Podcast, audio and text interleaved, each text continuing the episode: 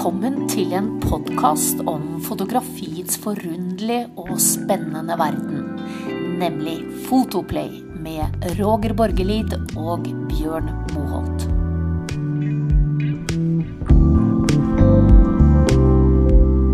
Hallå Roger! Hallå Björn! Vi har kommit till del 17 i vår eh, fantastiska Fotoplay-serie. Ja, otroligt. Och, inte sant? Tiden eh, går. Nytt år och så När man har kul. Mm, det är det. Du, eh, no, idag ska vi snacka lite om några ting som du jag vet sätter pris på som skidåkare. Um, och för så vidt så kommer jag också från eh, flotte lands landskap eh, i Nord-Norge. Eh, och jag sätter pris på det. Och vi ska snacka rätt och slett om det att fotografera i dessa öppna, öppna landskapen. Mm. Um, det ofte eh, Jeg føler jo det at det er en slags dimensional eh, motsats til portrett. Det krever en helt annen måte å tenke komposisjon på, eh, sånn som jeg ser det. Og det er det jeg tenker vi skal snakke om. Eh, landskap handler kanskje mer enn de aller fleste eh, fotoområdene om komposisjon. Og det er vel det som vi kommer til å snakke litt om. Og da skal jeg begynne med et område innenfor landskapsfotografering som jeg sliter med selv, og som jeg veldig ofte eh, prøver å få til, men jeg får det egentlig aldri helt til. Og det er solnedgang. Hvorfor er de så kjedelige som regel? Hvorfor er det så vanskelig å ta bilde av en fin solnedgang, Roger? Nu var det lite dålig mottagning där, så nu hörde inte jag din fråga helt. Nej, okej. Okay. Eh, solnedgang. Varför är solnedgång så vanskelig? Så när solen går ned, eh, den sliter jag ofta med. Varför är den så vanskelig att fotografera? Eh, jag tror att det är för att Ja, det är en bra fråga. Alltså. Men jag, spontant skulle jag säga för att det är en sån kliché. Och för att solen i sig bara som går ner eh, säger inte så mycket. Men alltså en solnedgång har alla människor sett och fotograferat mm. på något sätt. Det krävs någonting mer i en solnedgångsbild än bara själva solnedgången för att det ska bli mm. intressant, tycker jag. Ja, det är akkurat det som är føler jeg ofte med, med, det. Så vi kan sikkert plukke det opp igjen mot slutten av denne, denne podkasten. Mm. Eh, vi har vært innom en del av de andra tingene. Um, en annan grej kan man ju, förlåt, med, det kan ju också vara att många som fotar solnedgång väntar tills solen har gått ner. Och himlen är sådär, alltså den har bara färger men det finns inget ljus Alltså ljuset finns kvar men det finns inga solstrålar i den. Mm. Och jag tycker nog att solnedgångarna är som mest magiska precis innan solen försvinner om du förstår vad jag menar. Mm. Mm. Ja. För då blir det, särskilt i motljus älskar jag som du vet och då i, i landskapsfotografi så har motljuset en fantastisk förmåga att lyfta fram detaljer och, och, och linjer och liv i, i, i landskapet. Mm. Mm. Ja, eh, som sagt så tenker vi kan plukke det opp underveis. For jeg føler ofte det er noe som mangler. Det blir, eh, De fleste solnedgangsbilder som jeg har sett, blir gjerne endimensjonale. Du har en horisont, og så har du sola som enten ligger og, og vaker på horisonten, eller så er den eh, et stykke over, eller, eller, så er den helt nede. Og blir, De bildene blir ofte veldig flate, tenker jeg. Men jeg tenker vi som sagt vi skal plukke det opp etter hvert. Um, Mm, mm. I din bok, Roger, sånn som du ser det, og du har jo en del landskapsbilder. Vi har vist dem tidligere her på, på podden, eh, ikke minst på de, de, sidene som følger podden. Hva syns du eh, gjør et godt uh, landskapsbilde? Hva er det som på en måte resonnerer i deg når du, når du ser et slikt bilde?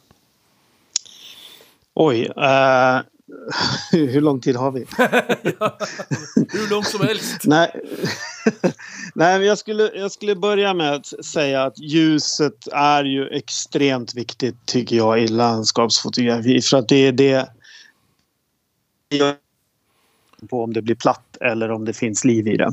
Eh, det skulpturerar ut detaljer och linjer och, och atmosfär eh, tycker jag, i, landskapet. Ett, ett lågt gryningsljus eller skymningsljus eller även blått himlen eh, gör att det liksom blir någon slags stämning i landskapet som inte finns annars.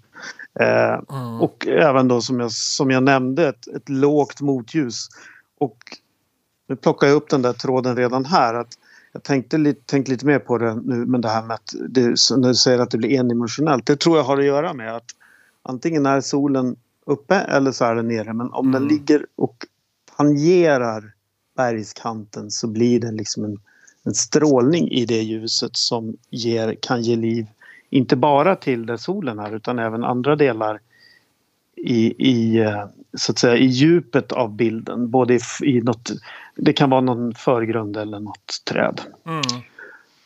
Sen ska jag säga att det som är den magiska trollformen i, i landskapsfotografi det är, som är liksom lite så här sesam öppna dig grejen det är att använda sig av förgrunder. Mm. Uh, för det är det som ger liksom ett, ett djup och en dynamik och en kraft i landskapet och leder in betraktaren så att det nästan blir liksom tredimensionellt. Och det kan mm. vara liksom ett samspel mellan landformer och växtlighet och vattendrag. Ett slags vad ska jag säga, rumsligt tänk. Mm. man vi... har en förgrund... Ja, förlåt, säg. Ja, nej, för att eh, när vi tar om landskap, så har man, får man ett bild på, på netthinnan av, ett, eh, av en naturopplevelse, rett og slett. Man ser kanske en skog eller en fjällformation, och det är det. Men landskapsfotografering är väldigt mycket mer än det. Och då är du inne på något spännande, syns jag.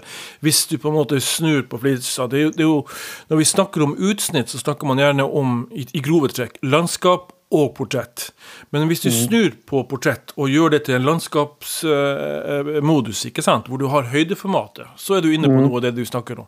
Att du, mm. du rett og slett har laget höjdformat av ett landskapsbilde. Och då kan du, mm. på en måte, har du helt andra elementer att spela på. Nettopp det du säger här, att bruka förgrund speciellt aktivt. Är det också mm. det du tänker på, inte sant?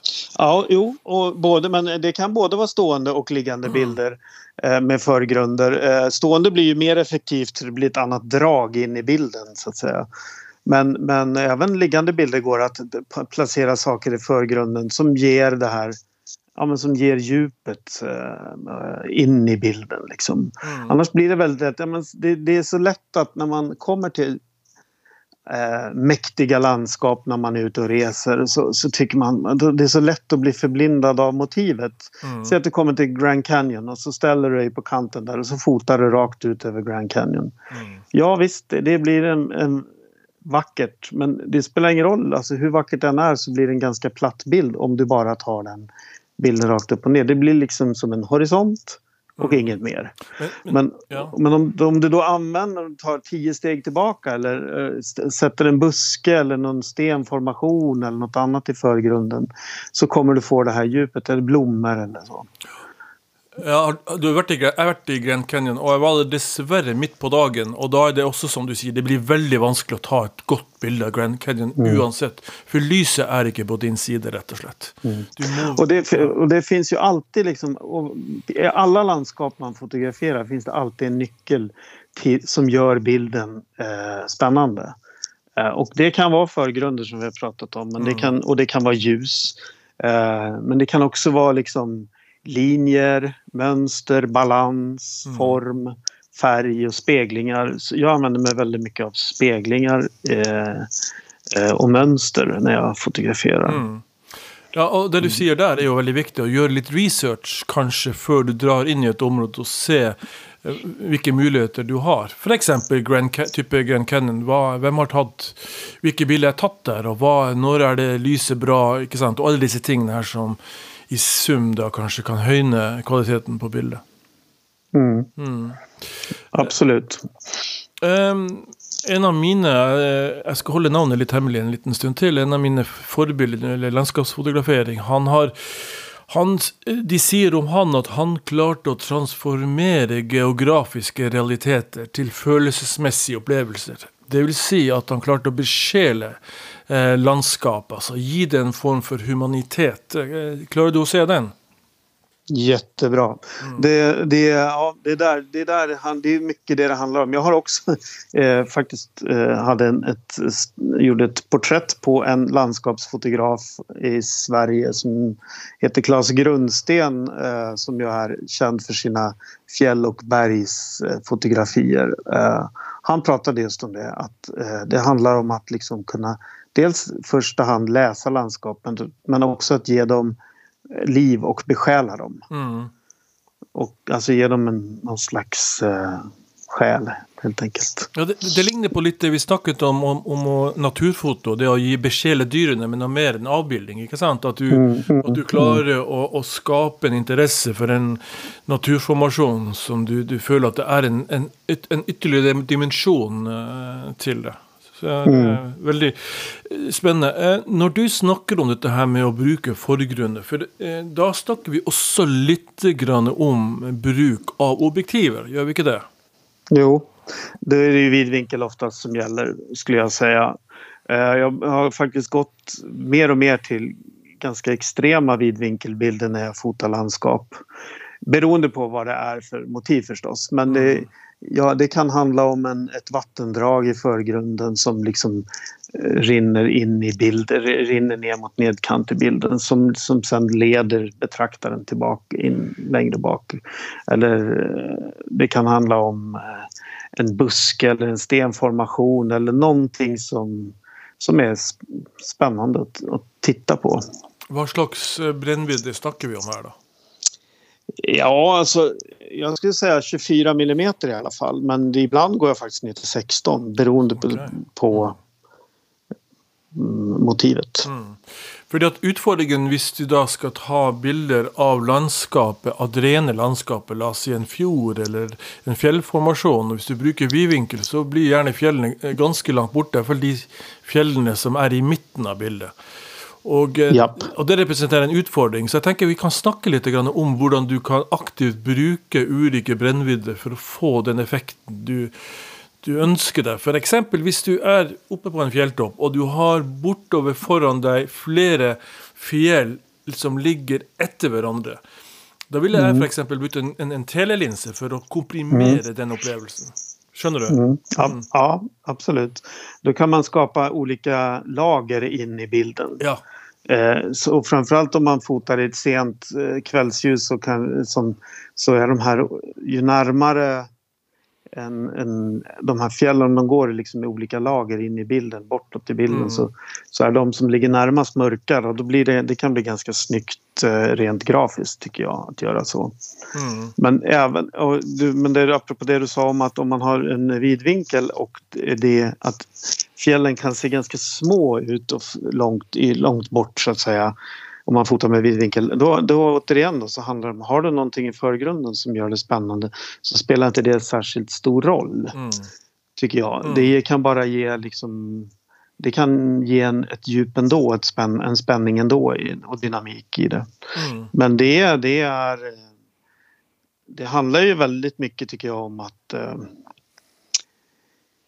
testa olika vinklar och att, att, att byta perspektiv. Du kan flytta dig 10 meter åt ett håll och så får du helt andra linjer in i bilden, en helt annan kraft. Mm. Och även som du säger då att eh, experimentera med olika eh, objektiv och brännvidder. Ja. Da er du inne på noe veldig viktig, syns jeg. da, og Det å finne det rette vantage points, altså stedet hvor du står og tar, tar bildet. Yes. Eh, og, og der bør du jobbe litt. grann. Det, og der, det er där der jobben ligger. ikke sant? Å finne akkurat det rette stedet å stå, hvor lyset faller riktig, hvor du får den rette komposisjonen. For eksempel så bør du på, eh, for all del ikke, hvis ikke det er helt bevisst, da, ikke legge horisonten midt i bildet.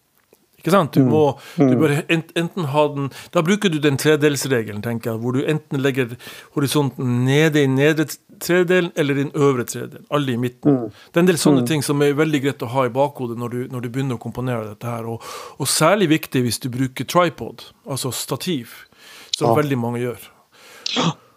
Og, og bruken, av, og du, bruken av tripod er jo ganske utbredt, nettopp fordi at veldig de fleste fine, vakre eh, naturbildene blir jo tatt eh, når lyset er litt kritisk. eh, Yes, Ikke sant? sant. Mm. Ja. Plus att du, får, du kan använda låga ISO-tal eh, och ändå ha en hög, högbländartal eh, och få ett, ett skärpdjup och en skärpa i bilden om det är det du är ute efter. Ja. Som, du, som kräver liksom långa slutartider helt enkelt. Och då är ju, då är ju en, eh, ett stativ, en tripod, det är, ja, väsentligt helt enkelt.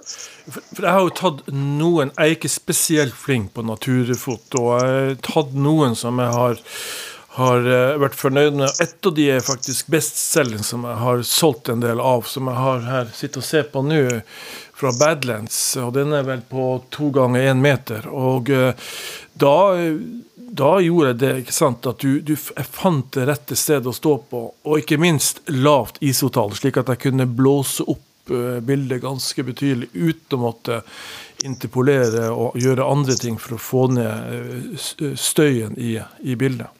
Mm. Mm. Jo, men det är absolut. Och det finns ju tekniska aspekter här som vi kan komma, återkomma till. Men när det gäller just det här att positionera sig, vart, vart man ska stå och, och hur, åt vilket håll man ska rikta kameran. Det, det tror jag det kan man träna sig till. Det handlar liksom och, och, handlar om att, eh, att kunna se, alltså fotografi tycker jag det är seendets konst men det är också förutseendets konst. I alla fall när det gäller landskapsfotografi. Mm. Att, man, man, att, man, att man kan förutse att, vad, när och...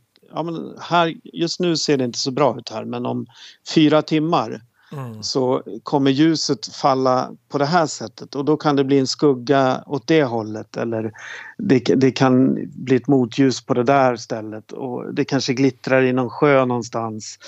Eh, eller ja men det finns så otroligt mycket som handlar om att förutse hur bilden kommer bli om man bara ger det tid och det, eh, det är att man utvecklar liksom en känsla för vad som är på gång och vad man ska vara när man tar själva bilden. Liksom. Mm. Akkurat det du sier der, er et kjempeviktig punkt, tenker jeg. Vi har jo snakka om, om, naturfoto og ta bilder av ville dyr og så være på post, og du kanskje sitter i et telt i flere dager og venter på at bjørn skal komme. ikke sant? Og mm det, det, er litt av den samme greia faktisk ved naturfoto. at hvis du, For å finne frem til det rette poenget, og du ønsker å ta et foto som du kan henge på veggen, da må du nesten bruke tid, og da er det det du sier. Du må vente og se. Du må kanskje være til stede der og se hvordan lyset faller gjennom dagen, rett og slett. Mm. Och, det, och, det, och det, framförallt i fjällen och i bergen så kan ju ljuset, alltså där är ju vädret så föränderligt. Ljuset kan ju skifta borta på en sekund. Plötsligt kan liksom en bergstopp sticka upp ur ett moln eller mm. Eh, det kan bli ett väldigt spännande skuggspel av moln på en fjällsida eller något sånt där. Och de här ögonblicken de, de är ju borta på ett ögonblick mm. så det, det gäller liksom att vara med, att ha en sinnesnärvaro mm. i, i, och sen är det ju landskapsfotografi, det är ju liksom väntan och tålamod skulle jag säga mm. till väldigt stor del. Att, att man ska kunna sitta sju, åtta timmar på en plats för att du mm. anar att ljuset kommer att bli magiskt vid en viss tid. Mm. Ja, og så er det ikke alltid snakk om at du trenger å ha magisk lys. altså At at det skal være skyfri himmel. Noen av de beste landskapsbildene som jeg har sett, er faktisk av sne som faller over trær, og at du på en måte får litt dynamikk gjennom det. Det, og det kan være gråvær, det kan være dramatiske skyer. det kan være ja. Helt riktigt som du säger, dagen förändrar sig hela tiden. Eh, Nej, där är du inne på något jätteviktigt. Jag brukar mm. skoja och säga att dåligt väder är inte det sämsta eh, som landskapsfotograf. Att det blir ett helt, ett helt annat drama när du har ja, men snö, regn, mörka moln Mm. Och inte minst då naturfotografens bästa vän, dimman, alltså mm. tåke på norska.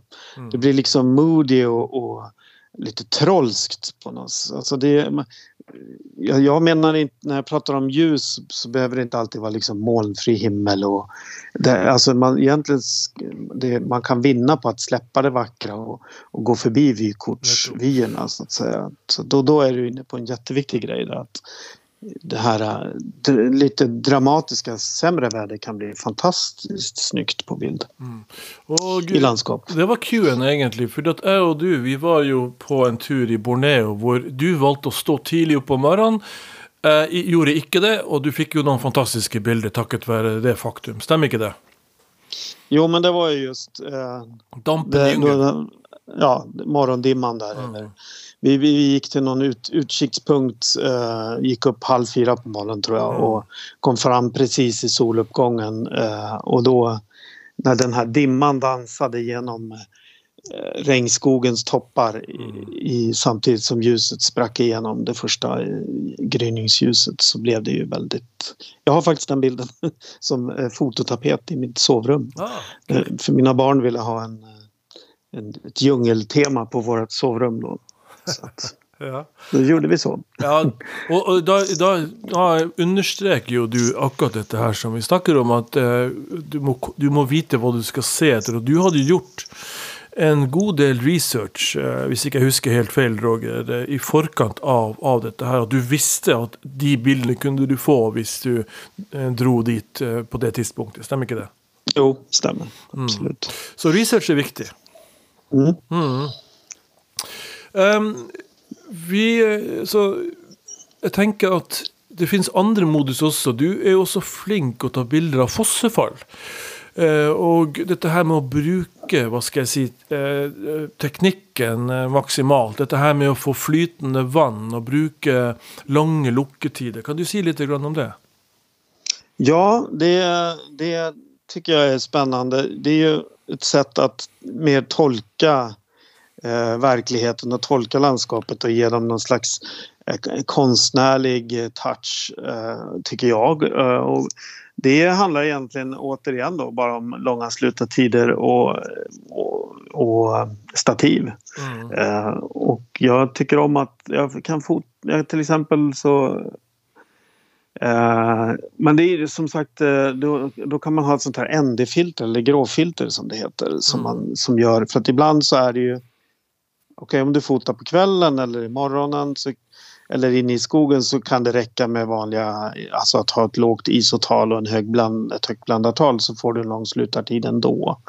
Men eh, mitt på dagen kan man också fota eh, vattenfall och bäckar och forsar men, och även faktiskt havet och himlar. Och med flera, ja men kanske tio sekunder för att få en slags eh, rörelse i bilden då. Mm.